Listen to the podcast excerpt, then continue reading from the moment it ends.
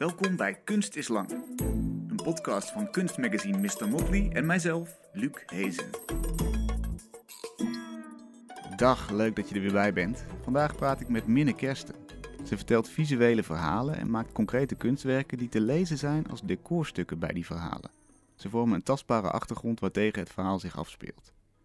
Bijvoorbeeld in het werk Constant Companion, waarin als decor een kleine geïmproviseerde woonkamer met een keukenblok is neergezet, een chaotisch tafereel met slingerende pannen en papierwerk. In het videowerk dat erbij hoort, volgen we een raaf die door de spullen rommelt en het huisje een tijdje bewoont. Zo ontstaat er in dat zwijgende decor een onzichtbaar spoor, het residu van een verhaal dat zich daar heeft afgespeeld. Ook de installatie waarin de video Leak wordt getoond, doet een onheilspellend beroep op de verbeelding. Het is een langwerpig hok van gipsplaten, waardoor een lekkende airco vochtplekken in zijn gekomen. Binnenin dat hok zie je de video van een man die op een bank zit, terwijl er uit die bank en zijn trui rook omhoog kringelt. Naast installaties en video's kan Minnes werk nog veel meer gedaantes krijgen. Een droogrek met wonderlijke keramieke pegels eraan, of een lapstof met curieuze vlekken, een boom waarin een metalen luik is aangebracht, zodat het vermoeden van een verborgen ruimte ontstaat, of schilderijen van een leegstaand gebouw, of een groepje kraaien rondom een andere dode kraai. Wat de werken gemeen hebben is dat ze onvermijdelijk de verbeelding aanzwengelen. Welkom Minne, leuk dat je er bent. Dankjewel. Je maakt regelmatig ruimtelijke installaties waarin je voelt dat er iets is gebeurd of staat te gebeuren. Een geïsoleerde wenteltrap die nergens naartoe gaat of een woonkamertje waar dus dingen overhoop liggen. Een hok van gipsplaten en vochtvlekken. Waarom bouw je die ruimtes? Ja, ik heb eigenlijk een soort ehm, die methode van werk ontwikkeld, ehm, waarbij ik voor, voor mij is het, het ontwikkelen van een ruimte waarin ik eigenlijk ehm, iets uitnodig waar ik geen controle over heb. En je, je, vertelde net al eventjes, dat kunnen zowel uh, andere wezens zijn, zoals een raaf of rook of uh, ja, eigenlijk vervliegende elementen. Mm maar je noemde net ook van ja, ik, ik heb niet per se een narratief of een verhaal in mijn hoofd wat ik wil vertellen. Dus ik zie mezelf niet per se als iemand die als, uh, hoe zeg je dat, narrator um, vertelt wa wat daar gebeurt of wat je daar moet zien. Mm -hmm. Dus op het moment dat ik bezig ben met het ontwikkelen van een ruimte, um, dan wil ik eigenlijk een soort van infrastructuur klaarzetten voor iets om daar plaats te vinden. Maar ik werk niet met een script voor films en ik leg het ook niet van tevoren vast. Uh, want ik wil eigenlijk hetgeen wat ik uitnodig een soort van een platform geven om aan eigen uh, autonomiteit um, op, te nemen, zeg maar. Ja, dus het is een, en, je bent een vele verhalen verteller of een vele mogelijke verhalen verteller. Kun je ja, en ik zeggen. probeer eigenlijk ook ruimte te geven voor een toeschouwer om te zien dat, dat het creëren van een narratief ook een, een constructie is dat al heel erg gevormd is. Hmm. Dus bijvoorbeeld op het moment dat je een, naar, naar, naar, het, naar het beeld van een, van een raaf kijkt, dan kun je bijna niet meer om de associaties heen die daar overheen liggen. Dus het is zo'n beeld wat, wat bepaald is door bijvoorbeeld filmgeschiedenis of uh, poëzie, yeah. dat je bijna niet meer de ruimte terug kunt geven aan ja, wat zo'n dier eigenlijk is. Dus je kunt niet om je menselijke blik heen, als het ware. Namelijk brengen van onheil. Ja, en, en, een soort van een symbool van, van rouw en van uh, um, onheil. En ik speel daar ook mee, maar ik vind het ook interessant om te zien van... Um, ja, waar zitten eigenlijk die verhalen die niet, die niet letterlijk verteld worden? Dus, dus een soort van kennis die misschien niet in taal gesproken wordt. Vandaar ook dat... Uh, ja, ik, ik gebruik in, het, in mijn werk eigenlijk geen taal. Um, maar ik hou me dus wel bezig met het, het, ja, het hoe, hoe ontstaan narratieven en hoe, hoe verbind je dingen aan elkaar om een soort van een, ja, bijna een, iets proberen te lezen waarbij de, er nog steeds een complexiteit aanwezig is, waarbij het niet precies duidelijk is. Mm -hmm. en, en, vind je het dan belangrijk dat die andere varianten zeg maar de varianten waar je, omdat je niet om die raaf heen kan, nooit meer bij komt, dat die een podium krijgen? Of, of moet de ambiguïteit weer terug in de symbolen die je gebruikt? Ja, ik denk dat, dat er uh, veel meer elementen zijn die uh, bijdragen aan het, aan het lezen van iets. Um, en, en bij dit werk specifiek gaat het me ook heel erg over um, ja, de architectuur van, van ruimtes. Dus als ik een ruimte maak, dan um, ik, ik hou me ook bezig met, ja, wat, wat, is, wat ontstaat er soort van in het geheugen van ruimtes waarin gebeurtenissen plaatsvinden. Dus binnen architectuur. En ehm, het uitnodigen van iets in zo'n ruimte geeft mij ook de mogelijkheid om misschien het verhaal van zo'n ruimte te vertellen. Ehm, en als je zegt het geheugen van een ruimte, dan gaat het ervan uit dat A, een ruimte een geheugen heeft, wat misschien niet voor iedereen uh, zo, zo voelbaar is of duidelijk is. En B, dat, dat we daar iets mee kunnen. Dat we dat kunnen ontsluiten. Maar laten we eerst eens bij de eerste beginnen. Ja. Een gebouw heeft dus een geheugen. Ja, ik, ik denk, ik, of ik, ik zoek heel erg naar ehm, het idee van dat bepaalde gebeurtenissen een residu kunnen hebben. Dus um, als, als, als iets verdwijnt, dan heeft het ook nog ergens, laat het iets achter. Mhm. En op een gegeven moment, terwijl ik aan het werken uh, raakte, um, uh, raakte ik ook weer geïnteresseerd in, het zijn een soort van speculatieve architectuurtheorieën. Rond 1900 heette uh, Stone Tape Theory in the Place Memory. En dat is eigenlijk in die tijd geloofden ze ook, waren ze heel erg bezig met hauntings en spookverhalen, dat um, de um, ja, ruimtes ontvankelijk kunnen zijn voor emotionele of traumatische gebeurtenissen die plaatsvinden. Hmm. En dat benaderden ze eigenlijk heel letterlijk van. Um, er, er is een soort van energie die dan vrijkomt die in de stenen komt te zitten. En ze probeerden dat af te spelen door allemaal um, gereedschap te maken, zodat je dat echt als een tape machine eigenlijk kunt uh, naluisteren. Ah, signalen die je kunt opvangen als het ware en vastleggen. Ja, ja. Hoe klonk dat dan? Hoe klinkt een beheerste kamer? Um, nou, ik heb zelf nooit zo'n machine gemaakt en dat nooit geprobeerd. Maar ik, ik weet niet of ik er per se zo heel letterlijk in geïnteresseerd ben, maar meer als idee van, ja, er zijn um, zoveel omstanders eigenlijk rondom uh, gebeurtenissen. En ja, hoe, hoe, ja, ik was zelf ook op zoek van hoe kun je eigenlijk het, het verhaal van een, van een plek vertellen. Of een soort van uh, gebeurtenis zonder dat je die gebeurtenis zelf laat zien.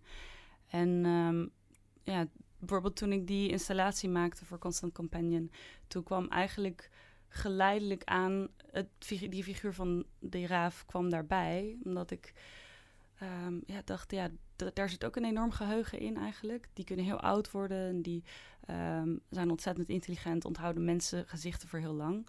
Dus om die twee eigenlijk bij elkaar te brengen, om een, um, ja, alsof daar misschien een wel een communicatie tussen plaatsvindt. In een taal die wij als mensen niet van nature spreken. Ja. Heb je zelf wel eens ervaren dat de muren iets weten wat wij niet weten? Zeg maar dat gevoel van een energie die ergens hangt. Ik weet niet of ik dat heel spiritueel ervaar. Nee, het is meer een uh, uh, vrij analytische houding die ik daartoe heb of zo. Van um, ja, hoe ontstaat eigenlijk dat je zo'n. Um, dat je daar, daar een relatie tussen gaat zoeken? Of ja, het, het, is wel, ik denk dat iedereen dat wel heeft, dat als je een gebouw inloopt, dat het soms uncanny kan voelen, weet je mhm. wel? Een soort van het gevoel dat daar wel elementen plaatsvinden of hebben gevonden. Ja, alleen de meeste mensen zullen zeggen dat ligt aan mij of dat ligt aan mijn verhouding. Ja, of, of het is koud. of het is gewoon koud, precies. Je hebt gewoon kippenvel. Ja. Maar het idee dat het in die gebouwen zit of dat die gebouwen dat afdwingen door een architectuur is natuurlijk wel, dat is wel interessant. Dat is een andere visie dan denken, hoe voel ik me bij deze gebouwen? Maar dat is wat straalt deze gebouwen uit. Ja. Dat is de andere kant op. Ja, en ik denk ook wel dat, dat ruimtes dingen huizen in zich. Want wat, ook, ook als je bijvoorbeeld nadenkt over ja, hoe, hoe je, als je naar bepaalde herinneringen van je eigen leven uh, teruggaat, dat vindt zich eigenlijk altijd plaats in ruimtes. Mhm. Meer dan in de tijd. Dus het, het wordt een soort van vacuums eigenlijk, architectuur, van bepaalde um, ja, opstapeling van evenementen die er zich in plaatsvinden. Ja. En door deze bouwsels te maken zelf. Je kunt natuurlijk niet voor de kijker alvast eh, zeg maar, hun ervaringen daarin opstapelen. Dat, dat, daar ben je niet bij geweest. Dat is, dat is niet mogelijk. Ja. Maar je maakt een soort van decor waarin zoiets mogelijk zou kunnen zijn.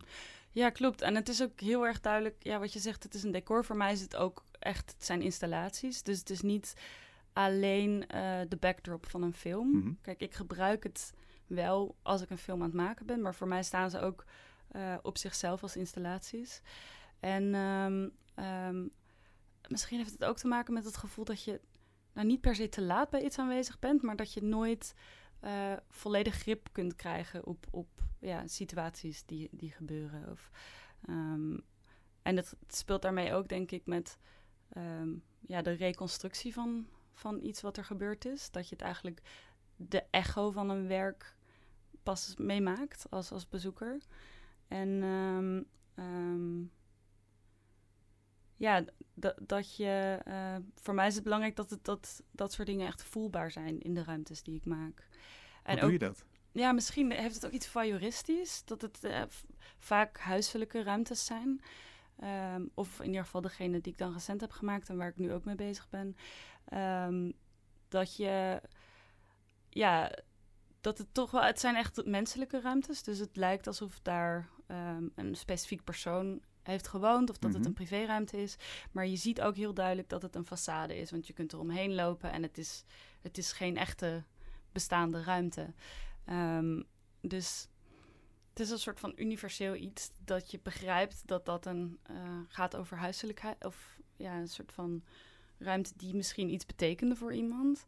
Maar zodra de menselijke link daaruit is, dan worden eigenlijk al die objecten die misschien persoonlijk zijn geweest voor, voor iemand, dat wordt um, ja, meer een soort van debris, hoe zeg je dat? Uh, puin? Of mhm. het, het verliest misschien de waarde uh, die het voor een specifiek persoon had.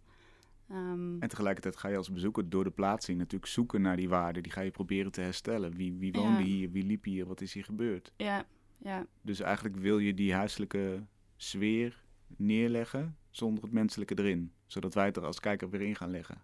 Of gaan zoeken naar verbanden. Ja, en ook... Um, kijk, ik, ik probeer uh, niet één verhaal te vertellen... Uh, soort van vanuit mijn positie als maker... Dat, dat, dat er maar één lezing te zien is. Dus ik geloof ook, weet je, als je een, tentoonstelling bezoekt... dan um, kom je zo met je eigen set van referenties en culturele bagage... dat ik hoop dat daar genoeg ruimte voor is... Om dat ja, tijdens het, een tentoonstelling eigenlijk ehm, mee te brengen. Hoe hou je die balans tussen genoeg ruimte voor interpretatie en een soort verhaal welke kant het op zou kunnen gaan? Ja, ik denk dat het eigenlijk. Ehm, ik, ik zie het maken van een tentoonstelling als een soort infrastructuur waarbij er meerdere elementen in een ruimte aanwezig zijn waar je als bezoeker tussen loopt. En voor mij ontstaat het werk meer ertussenin of daarna dan bij het werk zelf. Dus het zijn eigenlijk, ja, um, soms dan heb ik ook schilderijen in een, in een tentoonstelling of een sculptuur. En die dragen eigenlijk allemaal iets bij aan wat je eerder hebt gezien. Maar omdat je fysiek niet in dezelfde de werken op, de, op hetzelfde moment kunt zien, um, doet het ook een beroep op uh, ja, een soort van uh, ges, like, um, geheugen van wat je daarvan hebt gezien. Hmm. Ja. Waardoor het nog onbepaalder wordt voor jou eigenlijk. Er is geen flauw idee eigenlijk wat het effect zal zijn van een kijker. Ja, nou, ik, ik, ik denk dat ik daar wel op zekere mate... Uh, ik bedoel, ik ben heel, heel bewust met wat ik neerzet in een ruimte. En, um, welk effect wil je dan? Um, nou, het gaat me over... Um, dat er een bepaald gevoel van, van, eh, dat het kan schipperen tussen een bepaald gevoel van onheil of, of zorgzaamheid. Of dat je ja, uitgenodigd wordt in iets, um, maar zodra je daar bent, dan verandert je, je houding daartoe verandert hmm. ook weer. Interessante uh, omschrijving. moeilijk lijkt me om, om waarschijnlijk is het een intuïtief proces wat je voelt als je aan het opbouwen bent, waarvan je weet, nu klopt het ongeveer. Maar het lijkt me moeilijk om ja, nou te ervaren. Ik werk eigenlijk um, um, vaak in langdurige projecten. Dus dan uh, voor mij is het, het werk wat ik recent heb gedaan, is één um, ja, vrij consistent, consistent werk. Dus uh, ik begin met een installatie en een film. En tijdens onderzoek wat ik doe, dan komen er ook uh, uh, nou ja, schilderijen bij of een sculptuur. Dus het, voor mij is het wel, ja, het, het, het, het zit heel erg. Um, de verschillende media komen echt voort uit één verhaal of één narratief, één project wat ik doe. Ja. Die Raaf, nog even in dat laatste project. Het is een schitterende videowerk van eigenlijk hoe die dat huis bewoont bijna. Hè? Heel zorgvuldig door allerlei doekjes heen gaat, dingen, doekjes uit een laad trekt. Eh, heel zorgvuldig op een kastje hipt. Je ziet echt een soort persoonlijkheid daar. Is dat een andere kant? Is dat voorbij, zeg maar, de raaf die we kennen? een, een ander podium voor die raaf? Een andere rol? Ja, we hebben haar bijvoorbeeld uh, vier uur lang gevolgd. En um, dat is uiteindelijk geëdit tot een, tot een video van, van zeven minuten. En uh, ja, die dag zelf was ook heel bijzonder om, uh, om, om met elkaar eigenlijk te volgen van... Ja, hoe gedraagt zij zich in, in, in een, ja, in een vrij gecontroleerde omgeving? Want we hebben haar daar, daar neergezet. En um, ja, eigenlijk wat, wat ik heel interessant vond is dat um, we heel erg haar de ruimte hebben gegeven om, om dat te onderzoeken, maar ook haar, haar heel duidelijk hebben gevolgd. En um, ik wilde haar eigenlijk um, ja, een, een, platform geven. Um, en wat misschien ook wel leuk is om te of goed is om te vertellen, is dat ik had daarvoor heel veel literatuur, uh, zeg maar onderzoek gedaan naar hoe raven zich gedragen. Dus ik wist ook wel van ja, ze zijn hele brutale wezens, dus we kunnen bepaalde aspecten verwachten mm. qua gedrag. Um, maar op een gegeven moment wordt ze ook, um, ja, ze wordt heel brutaal. Dat zie je niet in de film, dat was uh, backstage, maar ze gooide een pan met water over de cameravrouw heen. dat ze, ja. En, maar ze pikt ook in de, in de in de muren. Dus je ziet eigenlijk ook dat dat idee van zo'n van zo'n privéruimte een soort van façade is. Ja. En waarom wilde je dat dan net niet in de film brengen?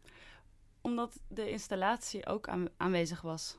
Um, dus ja, de, die was ook fysiek aanwezig in de tentoonstelling uiteindelijk. Dus hmm. in de, die film is eigenlijk één mogelijkheid wat voortkomt uit die ruimte. En, en het omgooien van een pan, is dat... Ja, ik dacht dan wordt het een soort van comic. Of uh, hoe zeg je dat? Een uh, showreel van wat een vogel kan doen. Ja.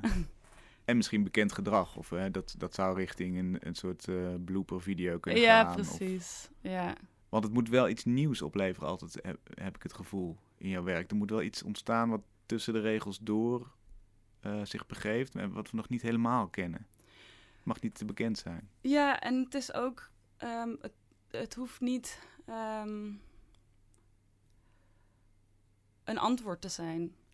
En um, ik, ik probeer ook ja, de complexiteit van bepaalde zaken niet per se uh, bewust complex te houden, maar het hoeft geen eenduidige lezing te zijn. En dat is denk ik, als je die film bekijkt, die duurt zeven minuten. Het is een vrij langzame film. Uh, het geluid is heel dichtbij, dus je zit heel dicht bij haar. Je leert haar kennen, denk je, en dan leer je haar weer niet kennen. En um, ja, het, ik denk ook, wat ik, wat ik probeer te doen, is het, het roept vragen op misschien van waarom is die vogel daar, wat is daar, wie is daar aanwezig geweest. En ik probeer eigenlijk daarin met dat werk geen antwoorden te geven. Uh, zoals ik zei, van ik probeer geen um, ja, waterdicht verhaal te vertellen waar een spanningsboog in zit of waar um, karakters dingen actief doen.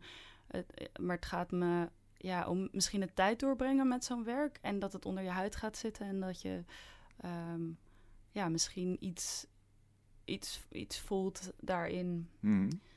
Is het dan ook jouw bedoeling dat, of hoop dat mensen naar buiten lopen en überhaupt sensitiever worden voor de omgeving? Meer uh, als het onderhuid zich afspeelt? Ja, dat kan. Ja, ik denk dat, het, dat dit werk specifiek ook een, een soort uitdaging was van hoe geef je beeld aan het gevoel van rouw, bijvoorbeeld. Of, of de interioriteit van, van emoties. Of, uh, um, en ja, ik dacht. Um, dat zij daar misschien bij zou kunnen helpen, uh, die vogel, om dat, om dat te kunnen zien. Maar ja, als je bezig bent naar aanloop daarvan, dan realiseer je ook van ja, je kunt. Ik bedoel, zij geeft geen toestemming voor mijn blik op haar. Ja. zeg maar. Dus ik dacht, ja, je kunt niet. Um, ja, je, je kunt daar niet met één, um, één houding ingaan van wat je daar precies van wilt hebben. Hmm. Ja. En uh, ja, en wat ik al eerder zei over dat, die kennis die in soort van omstanders zitten. Ik dacht, ja, vogels die zitten altijd op bomen, buiten ramen en die nemen heel veel waar. Een soort van stille waarnemers die niet kunnen spreken over wat ze zien, maar um, wel heel veel kennis bezitten. En je begon te vertellen dat je een idee had over rouw. Het moest over rouw gaan en dan kom je bij een raaf. Ja, ik denk dat, dat dat in heel veel van mijn werk zit. Het soort van het, ehm, het zoeken naar, naar beelden voor verlies of vergankelijkheid van, eh, eh, en, en voor rouw. En dat is, ehm, ja, hoe geef je iets beeld wat er niet is? Dat is eh, best een moeilijke, moeilijk iets om te doen eigenlijk. Ja. En ik denk dat zulke soort ja, ervaringen veel meer zichtbaar worden door niet de verhalen zelf die verteld worden, maar de omgeving daaromheen. Ehm, Waarom wilde je er een beeld aan hangen? Waarom heeft rouw een beeld nodig? Waarom is dat interessant voor je? Mm, ja, ik denk toch dat, dat, dat vaak als, als mensen te maken hebben met iets ehm, wat unsettling is, wat eigenlijk je wereld eh, op een bepaalde manier overhoop haalt, dat je op zoek gaat naar ehm, eh, stabiliteit weer opnieuw. Of, of naar ehm, ja, misschien ook wel mensen proberen symboliek liek te, te zien dan opeens, om, om toch een soort van aanwezigheid te voelen. En ik weet niet, ik, ik, ik, heb, ik, heb, ik heb daar zelf wel moeite mee met hoe je. ehm, ja, waar dingen blijven als ze verdwijnen. Zeg maar, als het echt in de tijd eh, wordt achtergelaten of zo. Mhm. Of ook. ehm, Überhaupt dat iets kan verdwijnen is natuurlijk heel gek eigenlijk. ja, Dat ja. iets in je leven is en het is ineens weg. Dat kun je Ja. conceptueel wel begrijpen, maar een beeld helpt daar dan bij of zo. Dat geeft grip. Ja, of, of je kunt eigenlijk, ik zie het ook voor me, rouw is niet, niet soort van één emotie wat gebeurt. Het is een soort van traject, een proces, waarbij ehm, er heel veel verschillende facetten de hele tijd aan, aan bod komen. Ik denk overigens dat het is niet zo dat al mijn werk, ehm, eh, zeg maar, puur een beeld zoekt voor, voor rouw. Mhm. Ehm, Laten we het eens hebben dan over de rook die op verschillende plekken uit je werk komt. Want dat vind ik ook een interessante. Weer eigenlijk zo'n element wat niet te controleren is. Wat uit de bank komt, wat uit een trui komt, wat als een wolkje uit een raam wordt geblazen. Klopt, ja. Dat is, ehm, dat is ook een soort iets wat eigenlijk vooral op video ook ehm, goed, goed werkt. Ja. Eh, en in het echt, het, het is iets wat vervliegend is, wat tijdelijk ergens is. En het betekent eigenlijk ook, ja, rook is aanwezig als er een soort bron is ergens. Dus het is het residu van, van iets wat er gebeurt. En ik ben er eigenlijk voor het eerst mee begonnen te werken ehm, in... eh, ja, dat eh, legt je net, of beschreef je net ook al in het werk Leak, waarbij je eigenlijk een figuur ziet ehm, die in het proces is van verdwijnen. Dus er komt een soort van ja, rook uit, uit de nek, lijkt het. Mhm. En ehm, daar had ik vervolgens een hele installatie omheen gebouwd, waar er soort van vochtplekken ehm, in die installatie zitten. Dus het is, speelt bijna met de suggestie dat ehm, ja, dat proces een soort reëel effect heeft op de ruimte. En je hoort ook een soort van het getikkel van water en het suizen van een eh, airco of van een ventilator die ronddraait. Soms is die ventilator die staat aan en dan eh, draait hij niet. En dan hoor je eigenlijk in het geluid hoor je een soort van dat het zich aan het voorbereiden is of iets. En ehm, dus dat beeld komt af en toe langs in, in, die, in die setting. En ehm, ja, eigenlijk airco's of ventilatoren, dat komt vaker terug in installaties die ik doe. Omdat het soort van sug- suggestie opwekt dat er een andere ruimte zich achter plaats zou kunnen vinden. En ehm, ja, het, het, het speelt ook met de suggestie dat er een enorm eh labyrint on- eh, eh, bestaat ehm, in architectuur wat niet transparant is of wat niet zichtbaar is. Ja, Dus je hebt, ehm, ja, je hebt sowieso in, in, in hedendaags of ja, in architectuur heel veel ja, cavities, valse ruimtes, waar bijvoorbeeld warmte of elektriciteit in, in plaatsvindt.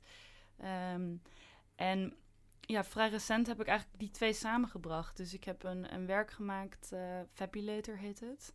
En dat is voor een project Welcome Stranger. En eh, dat zit op de façade van mijn huis. En dat is een airco die rookringen de lucht inblaast, elke 15 seconden. En ehm airco's zijn, ja, als je, als je door de stad fietst, of in, in Nederland nog iets minder dan bijvoorbeeld in hele eh, warme culturen. Maar dat zijn, ja, het parasiteert bijna op, op, de, op, op gebouwen in, het, in de stad. En dat vind ik er deels ook interessant aan, is dat een architect dat nooit op een tekening eh, erop zou zetten om al die soort van geplakte airco's die op, op, op wanden. Dat, dus het zit niet in het ontwerp opgenomen. Het is een soort van autonomiteit van mensen die dat eh, zelf ophangen. En Beetje een monsterlijk ding ook wel. Het zuigt echt, zeg maar, de, de, de warme lucht eruit. Ja, En het, en het spuugt het weer uit. Bijna, ja, en het bijna- warmt de buitenlucht ook op. Ja. Dus dit is een soort van. Het is, ik, toen ik er eh, onderzoek naar deed, of eh, ehm, het is ook ontworpen om eigenlijk een soort van de economische werkomstandigheid van mensen beter te maken. Dus dat eh, mensen beter functioneren in kantoren. En ehm, eh, ja, het is voor mij ook heel duidelijk de, een soort van grens tussen binnen en buiten. Deze vraag om dit werk te maken voor deze plek was ook ehm, gaat specifiek over ja, sculptuur op, op de façade van een huis. Dus dit, het is niet ehm, volledig in de publieke ruimte. Dus ja, het heeft echt met die twee te maken. En ik dacht, ja, hoe maak je iets voor de buitenruimte? Ehm, want als je te maken hebt met het publiek in de in openbare ruimte, dan het is niet zo dat iedereen daarop zit te wachten. Mhm. Want je maakt niet de keuze om eh, bijvoorbeeld naar een, naar een tentoonstelling ruimte te gaan om dat te gaan bezoeken. Dus ik dacht, ja, je valt mensen daar op een bepaalde manier ook mee lastig.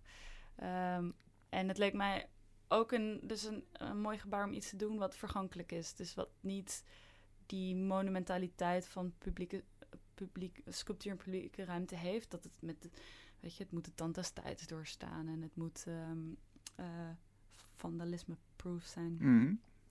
Ehm, dus dit is eigenlijk een, ja, een heel luchtig gebaar waarbij de, ja, die airco bijna een soort van geanimeerd of gepersonaliseerd wordt en die blaast in de lucht. Dus het is ook voor mij een soort van communicatie van mijn eigen huis binnen naar buiten toe. Of een poging van communiceren. Dus er zit ook een soort van een vorm van taal in dat, ehm, ja, rook is eigenlijk ook een van de oudste visuele vormen van communiceren over langere afstand. Waarbij je dus eigenlijk woorden niet kunt gebruiken. Of je kunt het niet verstaan als ik eh, vanuit mijn raam eh, zou praten. En Mhm. Ehm, ja, waar ik zelf heel veel plezier in had bij dit werk, was dat ik dacht, ah ja, daar zit iemand op de fiets of iemand loopt eh, buiten en opeens zie je dat heel kort voorbij komen. En het is een object wa- wat niet ehm, verrassend is of zo. Ehm, want je bent het gewend. Het is heel erg onderdeel of bijna gecamoufleerd. En dat leek me dan een, een mooi gebaar dat het soort van zucht naar buiten toe. Ook weer communicatie vanuit een gebouw eigenlijk. Ja, Zoals je inderdaad in de eerdere installaties ook al een beetje beschreef. De, ja, bijna de, de stem of, of het geheugen van een gebouw. Iets, iets wat spreekt vanuit een installatie. ja, En, en wat je ook een gevoelig maakt, denk ik, voor al die mogelijke entiteiten. Want mensen fietsen natuurlijk langs gebouwen zonder daar ja, stil te staan wat dat zou kunnen zijn. ja. En, En ook het, het luikje in, in een boom is dat natuurlijk. ja, Het, het eh, toevoegen van een soort magie. Ja, en ik denk ook dat het te maken heeft met, met film. Eh, want als je erover nadenkt, elk, elke film is opgenomen binnen architectuur of heeft, heeft ruimtes. Dus wat is die relatie tussen film, architectuur en de stad? En ehm, eh, ja, op een bepaalde manier is dat effect van rook heeft ook iets met film te maken. Een soort van. ehm, ja, je, het is ook een beeld wat je kent uit films. Weet je, als je kijkt naar oude detectives, waarbij er even een moment van rust is en iemand pakt de pijp erbij of eh, sigaar. En het zijn van die pufjes die je dan maakt. Mhm. Dus het is een beeld wat je ook kent of leest als eh, een soort van ontspanning. Of zo. En voor mij zat er bij dit werk specifiek ook het idee van misschien wel uitputting in. Dat zo'n zo'n gebouw mm, puft. Als de laatste Ja. adem bijna of zo. Een soort van, Ja. eh, Ja, niet te dramatisch. Het is ook een soort luchtig beeld voor het is ook een wolkje, dus het is ook iets wat je bijna zorgeloos. Die Ja. associatie heeft het ook wel een beetje. Ja, en het mooiste daaraan vind ik dat het verdwijnt. Dat het soort van toevoegt aan de wolken. En het is kort. Je ziet het kort en dan is het weer even afwezig. Mhm. Ja, Ook weer een van die archetypische symbolen eigenlijk. Dus je hebt de raaf, maar je hebt ook het, het rookwolkje. ja, Dat zijn toch sterke beelden blijkbaar die meteen heel, een, een woud van associaties met zich meebrengen. ja. En ik kijk, ik probeer altijd een soort van veld uit te zoeken van... oké, maar waar raakt het aan? En ehm, dan vallen er dingen ook weer af. En uiteindelijk maak ik een beeld wat, waarvan ik hoop dat het eh, op verschillende lagen te lezen is. En bijvoorbeeld in, ja, ik, ik schilder ook. En dat zie ik eigenlijk als soort van. Voor mij is het ook best wel verbonden aan schrijven of het maken van notities. En eh, bijvoorbeeld in een schilderijtje heb je één beeld, terwijl je in ehm, video heel veel beelden hebt. Dus er zit een andere soort tijd in. Mm, ik heb bijvoorbeeld een serie gemaakt over. ehm, ja, eigenlijk het gebruik van, van bloemen ehm, op plekken waar, er, waar woorden tekortschieten. Dus dat is bijna ook weer zo'n soort van archetype mm, beeld wat heel symbolisch te lezen valt. Geef eens een voorbeeld. Ehm dat is een serie, bijvoorbeeld wat ik heb gemaakt van bloemen die aan palen gebonden zitten. Ehm, en ehm, dat zijn soort van tijdelijke monumenten die vaak in de stad ontstaan door mensen die dat daaraan vastbinden. Mm, dat is vaak op een plek ja, waar, waar iets is gebeurd. En ja, het is ook een heel, weet je, een heel klassiek thema, bloemen natuurlijk, omdat er al vanitas in zit op het moment dat je het geeft aan iemand. Ja, het is al dood, het is al stervende. Ja, maar ze nemen allerlei rollen aan. Want het is ook bij geboorte of bij, eh, weet je, al die rituelen van eh, momenten in het leven die van belang zijn. Waarbij bloemen toch op, op bepaalde manieren opduiken.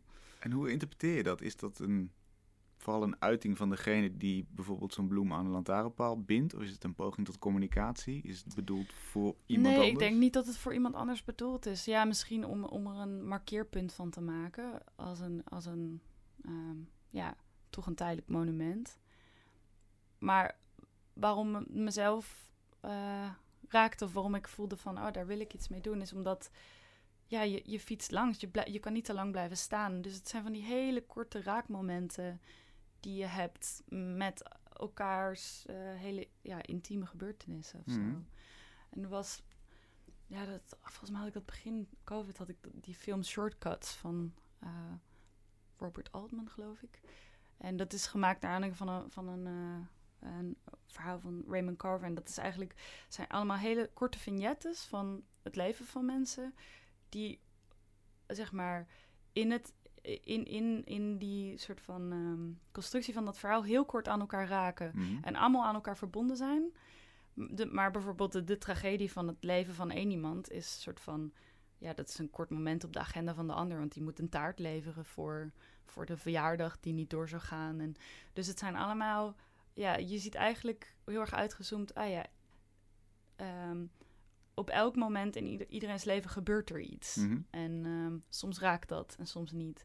En op het moment dat ik langs zo'n plek fiets, dan verbind ik me even met zo'n plek. Terwijl ik helemaal niet weet wat daar gebeurd is of van wie. Maar ja, toch, dat raakt gewoon even. En ik dacht, ah, dat vind ik mooi om, om, om bijvoorbeeld een serie schilderijen over te maken. Omdat eh er zit iets van een, een soort van glans in het maken van een schilderij.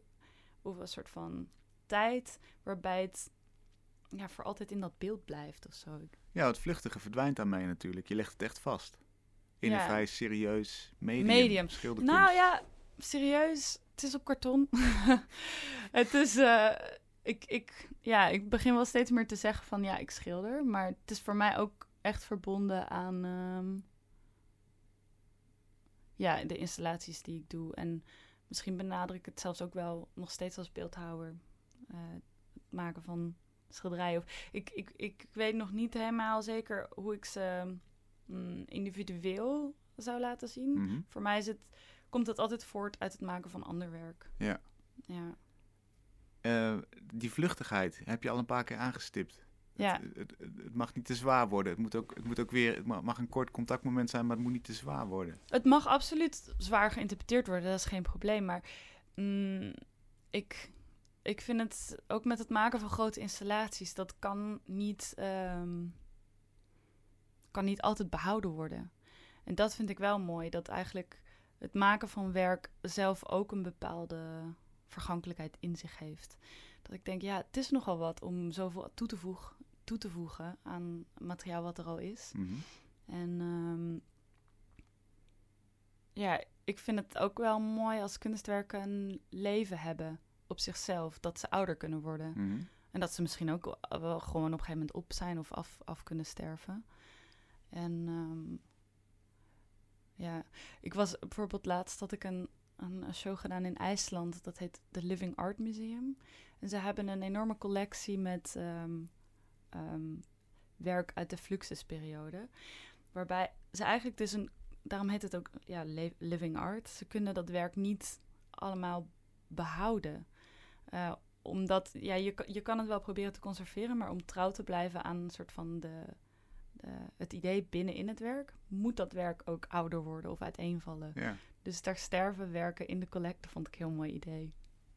En, en tegelijkertijd, zo net zochten we een beeld om iets vast te houden, hè, voor Ja. iets wat verdwijnt. Ja, En, en aan de andere kant zeg je ook, het, het is mooi als dingen wel verdwijnen, want daarmee krijgen ze misschien waarde of gewicht op het moment Ja. dat ze er wel zijn. ja. Ja, ik denk dat dat zelf voor mij als maker ook een zoektocht is van... ehm, hoe geef je uiting in beeld voor dingen die je meemaakt of eh, voelt? En hoe verbind je dat op een universele manier, zodat het ehm, ja, ook communiceert met eh, geschiedenis en met andere mensen die andere ervaringen hebben. Ehm, maar ook, ja, je kunt niet alles met je meedragen de hele Nee. tijd.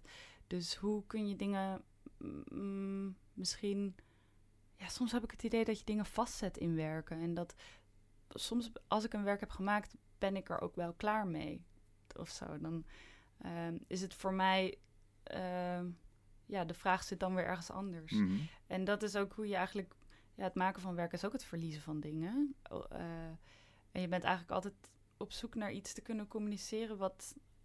Ja, één werk alleen kan dat niet volledig pakken. Dus dan zoek je weer naar het volgende. Inderdaad, eh, als je, je doet een soort uitspraak natuurlijk in beeld.